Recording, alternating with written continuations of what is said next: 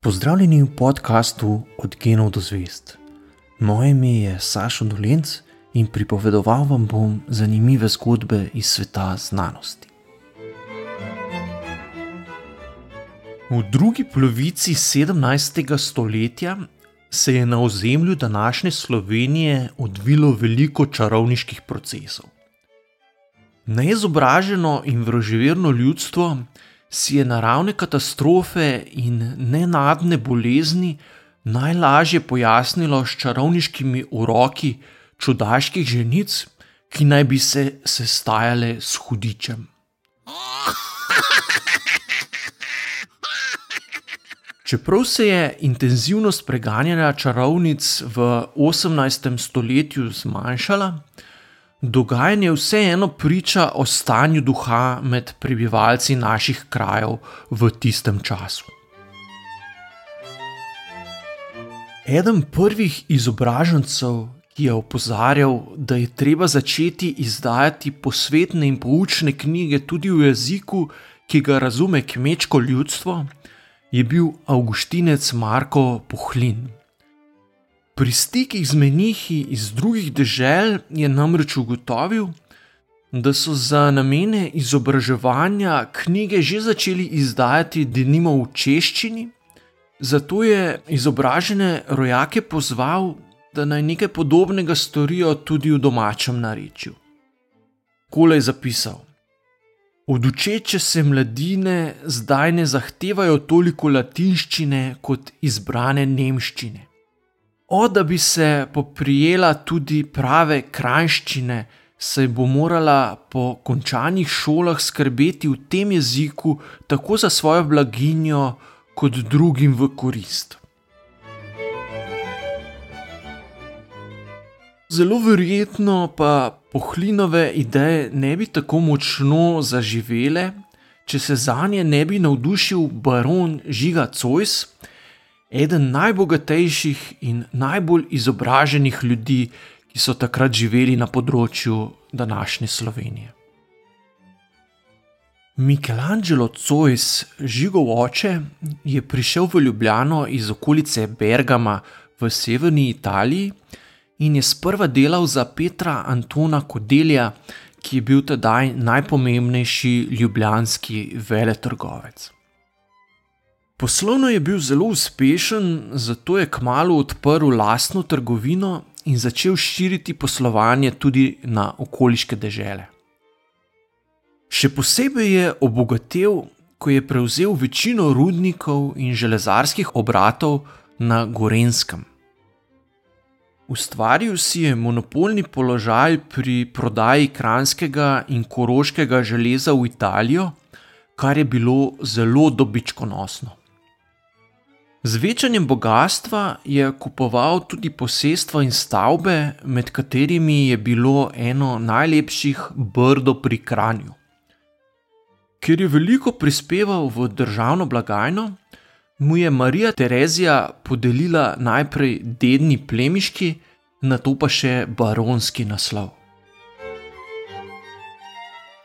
Po smrti prve žene se je poročil z Ivano Katarino Kapus, hčerjo rudarskega nadzornika iz Ljubljane, ki je bila slovenskega rodu. Kot prvi od osmih otrok se jim je leta 1747 rodil Žiga, ki je za razliko od očeta, ki je bil predvsem poslovnež, postal tudi ključna oseba za intelektualni in kulturni razvoj naših krajev. Mati Ivana Katarina je namreč s svojimi otroki najverjetneje govorila slovensko, čeprav so se v domači hiši večinoma pogovarjali po italijansko in nemško, kar je bil takrat jezik višjega sloja v Ljubljani. Leta 1761 je Žiga z bratoma odšel v Italijo kjer je nekaj let obiskoval šolo za mlade plemiče, v kateri so se učili veščine, ki so jih potrebovali v takratni visoki družbi. Gojence so naučili vse od pisanja, govorjenja, nastopanja v gledaliških predstavah, risanja, računanja, glasbe, plesa in pa tudi mečevanja, kar mu je močno koristilo pri kasnejšem navezovanju stikov z uglednimi učenjaki in državniki. Po vrnitvi v Ljubljano leta 1765 se je pri jezuitoma Gabrielu Gruberju in Jožefu Mafeju seznanil še z naravoslovjem in inženirstvom, kar je bilo pomembno predvsem za prevzem družinskih podjetij, ki so poleg trgovine močno temeljila tudi na rudarstvu in fužinarstvu. Skozi vse življenje se je na to trudil, da bi v poslovanje svojih podjetij uvedel čim več tehnoloških izboljšav, zato je med potovanji po Evropi načrtno zbiral znanje in sklepal stike z učenjaki. Prav med potovanjem ga je leta 1780 prvič napadel protein oziroma putika, ki jo povzroča visoka koncentracija sečne kisline v krvi kar spodbudi izločanje kristalov in unetje sklepov. Za bolezen je iskal zdravilo in obiskoval zdravilišča, a žal napredovanja ni mogel ustaviti. Leta 1793 so mu ohromele noge, zato je s kovačem izdelal invalidski voziček, ki ga je na to uporabljal za prevažanje po stanovanju. Zlasti po zimi se mu je stanje veliko krat tako poslabšalo, da je po več mesecev preležal v posteli. Po letu 1797 pa stanovanja menda sploh ni več zapustil. Oče Michelangelo je žigi posle prepuščal postopoma. Z reformami Jožefa II železarstvo postopoma ni bilo več tako dobičkonosno, saj je cesar odpravil monopole in povišal davke.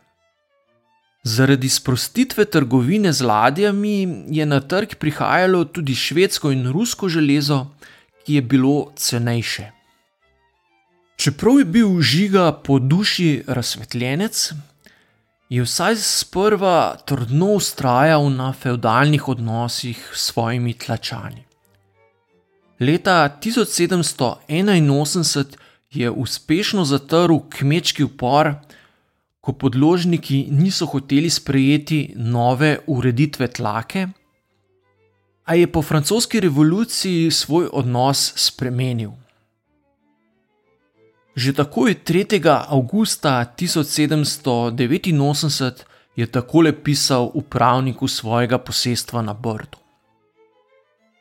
Po mojem mnenju gredo stvari tako daleč, da bi bilo treba le majhne iskrice, pa bi bilo kmalo vse v ognju. S tem postavljam načelo za Brdo, da se naj ravna pri vseh stvarih z največjo popustljivostjo da ne bi vzbudili nevolje. Cojzova palača na bregu v Ljubljani je bila tedaj najbolj prestižno posvetno poslopje v mestu, zato so v njej prebivali vsi odlični gosti, od plemstva do učenjakov in francoskih generalov. Palačo je gradil postopoma, tako da je odkupoval hiše na bregu in jih medsebojno povezoval. V pritličju je bilo skladišče, ki je moralo biti zaradi takratnega rečnega transporta blizu brega Ljubljanice. V prvem nadstropju so bile pisarne, v drugem pa veliko stanovanje z bogato knjižnico in veliko zbirko mineralov. Ko se je žiga leta 1780 vrnil s potovanj po Evropi, je začel okoli sebe zbirati pomembne lokalne izobražence. Skupaj so si za cilj zadali, da v javno življenje pripeljajo razsvetljenske ideje. Ključno pri teh prizadevanjih je bilo, da jezik neizobraženih kranskih kmetov preoblikujejo v jezik, ki bo v upravnem, gospodarskem in kulturnem življenju enakovreden drugim večjim jezikom. Posamezni učenjaki Cojzovega kroga so na to po svojih močeh delovali za doseganje tega cilja, vse skupaj pa je žiga skrbno nadzoroval, usmerjal in seveda financiral. Anton Tomaž Linhardt, ki je literarna dela sprva pisal v nemščini, se je lotil slovenske dramatike in zgodovine. Valentin Vodnik je začel slovensko poezijo, pisanjem šolskih knjig in izdajanjem ljubljanskih novic, prvega časopisa v slovenščini. Jrnej Kopitar pa je po odhodu na Dunaj strokovnimi razpravami in znanstveno slovnico slovenščino strokovno umestil med druge slovanske jezike. Kopitar, ki je bil sprva Cojzev tajnik, knjižničar in varuh zbirke mineralov, je s podporo barona odšel študirati na Dunaj, se tam strokovno uveljavil in povezal z uglednimi slavisti. Prav Kopitar je v strokovno in občo rabo upeljal izraza slovenec in slovenski, ki sta se hitro prijela. Žiga Cojs si je ob skrbi za lokalno kulturo vse skozi dopisoval tudi s pomembnimi znanstveniki. Poleg velike knjižnice in zbirke mineralov, ga je zelo zanimala tudi človeška ribica, ki jo je podrobno preučil in o njej napisal poročilo, ter primerke razpošiljal znanstvenikom po Evropi. V času lakote 1816 je uvozil tudi novo vrsto odporne ajde in jo razdelil kmetom, kjer se je prijela in udomačila kot cojzla. Organiziral je tudi več odprav v okolico Triglava. V tistem času so naravoslovci ugotavljali, katere kamnine so vulkanskega izvora in katere so nastale kot usedline v morjih. Da bi preveril, kako so nastale Julijske Alpe, je pod vodstvom Valentina Vodnika poslal ekspedicijo v dolino Triglavskih jezer, kjer so nabrali kamnine in si ogledali zgradbo bližnjih vrhov. Iz zbranega materijala so zaključili, da je apnenec v okolici Triglava nastal v morju. Že leta 1785 je v Ljubljani kupil več kot 3 hektare veliko zemljišče med današnjo Preširnovo, Rimsko, Igriško in Veselovo ulico in ga preoblikoval v park. V Cojzovi aleji, kot so park poimenovali, je dal zasaditi več tisoč dreves, vrtnih rastlin in grmičja. Nekatere najbolj eksotične vrste je kupil celo v oddaljeni Angliji. Vrt, ki ga je leta 1789 odprl za javnost, je veljal za pomembno znamenitost Ljubljane. Žiga Cojs je umrl 10. novembra 1819, pred skoraj natanko 200 leti. To je bil podcast Od genov do zvest.